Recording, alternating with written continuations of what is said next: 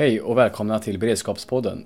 I det här avsnittet gästas vi av generaldirektören för Myndigheten för samhällsskydd och beredskap, Helena Lindberg. Hon kommer berätta om myndigheten, dess uppdrag samt hur de ser på krisberedskap och vad medborgarna har för ansvar gentemot samhället.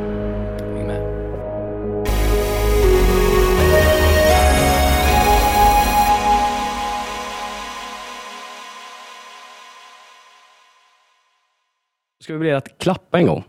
Ska jag klappa? Ja. Härligt. Hej Helena Lindberg, generaldirektör på MSB. Välkommen till Beredskapspodden. Tack så mycket. Då så, vem är Helena Lindberg? Mm, Helena Lindberg är generaldirektör och chef för Myndigheten för samhällsskydd och beredskap, MSB. Och vad är MSB då? MSB är en myndighet under regeringen som ansvarar för frågor om olyckor, kriser och krig. Och det handlar om att vi ska se till att det utvecklas en förmåga i samhället att både förebygga och hantera egentligen allt elände vi kan tänka oss utifrån de mål för samhällets säkerhet som riksdagen har slagit fast. Målen är ju då liv och hälsa ska skyddas, samhällets funktionalitet ska skyddas. Vi ska också se till att eh, våra demokratiska värden, förtroendet för våra fri och rättigheter, våra förtroendevalda, våra institutioner inte naggas i kanten. Och vi har också en uppgift, eh, ett mål då som handlar om stora ekonomiska eh, värden och miljön och den nationella suveräniteten. Så det är utgångspunkten. Det är våra skyddsvärden. MSB, kan den likställas med Räddningsverket?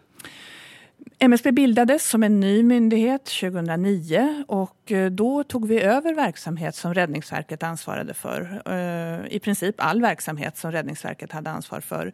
Vi fick också eh, ansvar för uppgifter som dåvarande Krisberedskapsmyndigheten ansvarade för, liksom Styrelsen för psykologiskt försvar. Och de tre myndigheterna de lades ner 2008 och MSB bildades. Och utöver då de uppgifter som de tre nedlagda myndigheterna hade fick vi också helt nya uppgifter som ingen myndighet hade haft ansvar för tidigare. Och det handlar framförallt om MSBs operativa uppdrag, nämligen att när någonting inträffar så ska vi se till att eh, aktörerna får möjlighet att samordna sig så att man fattar kloka beslut inom de egna ansvarsområdena eh, utan att gå i vägen för varandra. Det vill säga vi ska kunna agera samordnat och vi ska också se till att eh, de resurser som finns i samhället används effektivt där de bäst behövs. Och vi ska också se till att det blir eh, en eh, korrekt och saklig information till allmänhet och media. Det sistnämnda då framförallt genom den myndighetsgemensamma portalen krisinformation.se. Hur ligger vi till rent krisberedskapsmässigt i Sverige? Kan man likställa det med nivåerna som vi låg på under kalla kriget? Jag gör ogärna jämförelser därför att i grunden så har vi ju ett helt annat samhälle än det vi hade under kalla kriget. Eh, om du bara tänker på när eh, iPaden kom och eh, hur våra smarta telefoner, hur vi, de nästan har vuxit ihop med våra händer, eller hur?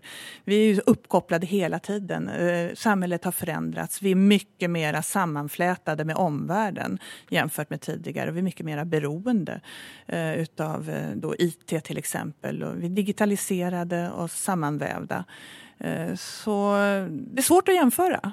Eh, man kan väl konstatera att vi under de senaste 20 åren, när vi inte har tänkt så mycket på krig, varken kallt eller varmt, så har vi tänkt på samhällets krisberedskap och utvecklat vår förmåga att hantera alla typer av eh, egentligen eh, risker och hot. Och kommit ganska långt, inte minst sen MSB kom till för nu, ja, vi är inne på vårt nionde verksamhetsår. Kanske en liten, eh, liten svår fråga, men hur långt har vi kommit då i, gentemot de nya utmaningar som finns i det här digitaliserade samhället? Så det finns massor att arbeta med kvar att göra för att täppa till sårbarheter och, och luckor i vår, eh, både i vår säkerhet och i, i vår beredskap. Och egentligen kan man väl konstatera att beredskap är ingenting som man någonsin blir färdig med utan vi behöver ju ständigt arbeta med detta eh, på alla nivåer. Det handlar både om oss som individer och tänka igenom sin egen beredskap men också i, i olika verksamheter i samhället som är viktiga. Att de alltid fungerar. Vad är det som alltid måste fungera? Eh, vad gör vi för att eh, skydda medborgarnas liv och hälsa på bästa sätt etc. Så det är viktigt att, att eh, både tänka igenom sina risker, att att eh, ha en, en klok tanke kring vad är, som, vad är det som är nyckelverksamheter utifrån de här målen då för samhällets säkerhet. Vad ska vi göra för att, att ha alternativa planer om nu eh, våra IT-system till exempel skulle haverera eller om vi nu inte skulle vara försedda med, med el till exempel under en längre tid. Så allt det här behöver man ju förhålla sig till inom ramen för den egna, eh, det egna ansvarsområdet på alla nivåer i samhället. Och vem ansvarar då för att eh, elförsörjningen fungerar, att eh, gemene man får sitt livsmedel, man får renat vatten och så vidare? Vem, vem är ansvarig för att medborgaren får sitt, sina behov till, tillfredsställda så att säga? Alltså, som tur är så är det inte en som ansvarar, utan vi har alla ett ansvar. Och som medborgare och eh, som människa har du ett ansvar för dig. Sen har vi som individer olika förutsättningar att ta det ansvaret. Och då finns ju till exempel eh, skyddsnät som staten har eh, lagt fast. Det kan vara i form av att man lagreglerar vissa tjänster som socialtjänst till exempel och att man ska se till att det finns skyddsnät för de som bäst behöver eh, hjälp och stöd. Men i grunden har vi alla som individer ett ansvar för, för oss själva. Och eh, sen när det gäller myndigheter så är det väldigt eh, noggrant fördelat av regeringen som bestämmer vad olika myndigheter ska ha för uppdrag. Eh, och då finns en myndighet som heter Svenska kraftnät till exempel som ansvarar för det svenska stamnätet som ju är grunden för att de olika privata elbolag som finns ska kunna distribuera ut vidare direkt till konsument el el till exempel. Bara för att ta ett exempel. Så det här är komplext. Det är inte så enkelt att man kan säga att det är en som ansvarar. Så rent krasst så ska man kunna säga att medborgaren har ett ganska stort ansvar att tillgodose sina egna behov? Absolut, så är det. Men som sagt, vi kan ha olika förutsättningar att axla det ansvaret. Och det är ju därför som det är viktigt att man tänker igenom sin egen beredskap.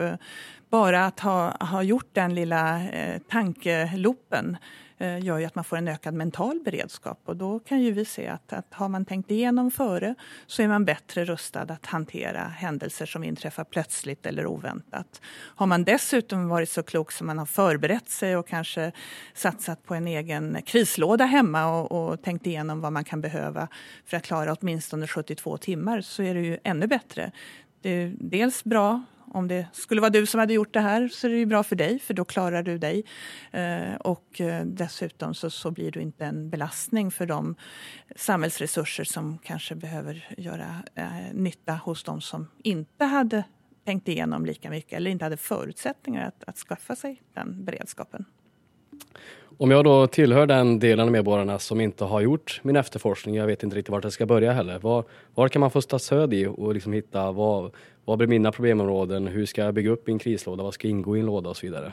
Har du några tips på det? Ja, vi har en, en hemsida, dinsäkerhet.se, där vi har eh, olika typer av checklister till exempel då, för hemberedskap. Och jag vet också att det finns väldigt många eh, olika eh, affärer eller eh, ja, näringsidkare som, som länkar till den och som tipsar om att eh, det här bör du ha i din krislåda. Det finns hos oss att köpa finns krisberedskapsperspektivet kvar i samhällsplanering. Jag tänker på förr till exempel så när man byggde skolor så anpassades de som fungerade som krigssjukhus. Vägar byggdes ju som, som flygbaser och så vidare. Har man fortfarande kvar det tänket med vid nybyggnation av höghus, göra källaren till skyddsrum, sådana saker? Mm, alltså, eh, jag skulle säga att ja, krisberedskapsperspektivet finns med i samhällsplaneringen men just de exempel som du lyfter kanske inte är de allra eh, mest relevanta idag. Utan då har vi nog snarare tänkt så här, ja, är det klokt att bygga där vi vet att det kommer att bli en översvämning? Till exempel. Eh, och därför tar MSB till exempel fram kunskapsunderlag med översvämningskarteringar och annat som vi förmedlar vidare ut till kommuner så man kan ta med det perspektivet i sin, eh, i sin eh, planering, fysiska planering för hur man använder mark. Eh, vi har fortfarande riksintresse, eh, totalförsvar, eh, som ett, ett riksintresse. Men vad det ska fyllas med för innehåll, det är väl det vi brottas med lite nu inom ramen för den återupptagna totalförsvarsplaneringen. Skyddsrum har vi inte byggt några nya på väldigt många år i Sverige, men vi har fortfarande ganska många skyddsrum till närmare bestämt 7 miljoner medborgare. Eh, så, så att eh, det finns kvar element men inte eh, just kanske de exemplen som du nämnde. Så kan jag som medborgare då känna mig trygg att staten kommer se till att jag har alla mina behov tillfredsställda i händelse av en kris? Svaret är faktiskt nej. Eh, det är faktiskt så att vi alla har ett ansvar för oss själva som individer och medborgare. Eh, sen kan vi ha olika förutsättningar att klara av att ta ansvar för oss själva. Men eh, de som kan bör ju tänka igenom vad, vad är det man behöver och vad är det för risker och sårbarheter man har i sitt egna hushåll. Och har man dels tänkt igenom det här innan, har en mental beredskap så ser ju vi att man klarar det plötsliga, det oväntade mycket, mycket bättre. Har man dessutom gått så långt så att man har förberett sig och kanske packat en krislåda eh, så man klarar sig i 72 timmar utan hjälp ifrån eh, det offentliga Eh, så blir ju det också en avlastning för de som ska hjälpa. Eh, räddningstjänst eller eh, hälso och sjukvård, vad det nu kan vara, kan hjälpa de som inte eh, har kunnat eh, ta hand om sig själva eller som inte kan ta ansvar för sig själva på samma sätt som, som du kanske kan. Och då får vi ett i grunden mycket mer resilient samhälle, det vill säga ett samhälle där, där man hjälps åt och eh, där eh, vi använder våra resurser på bästa sätt. Där de gör mest nytta och behövs bäst. Bra. Tack så mycket Helena Lindberg för att du ville vara med i, eller tog dig tid att vara med i Beredskappodden. Tack ska du ha.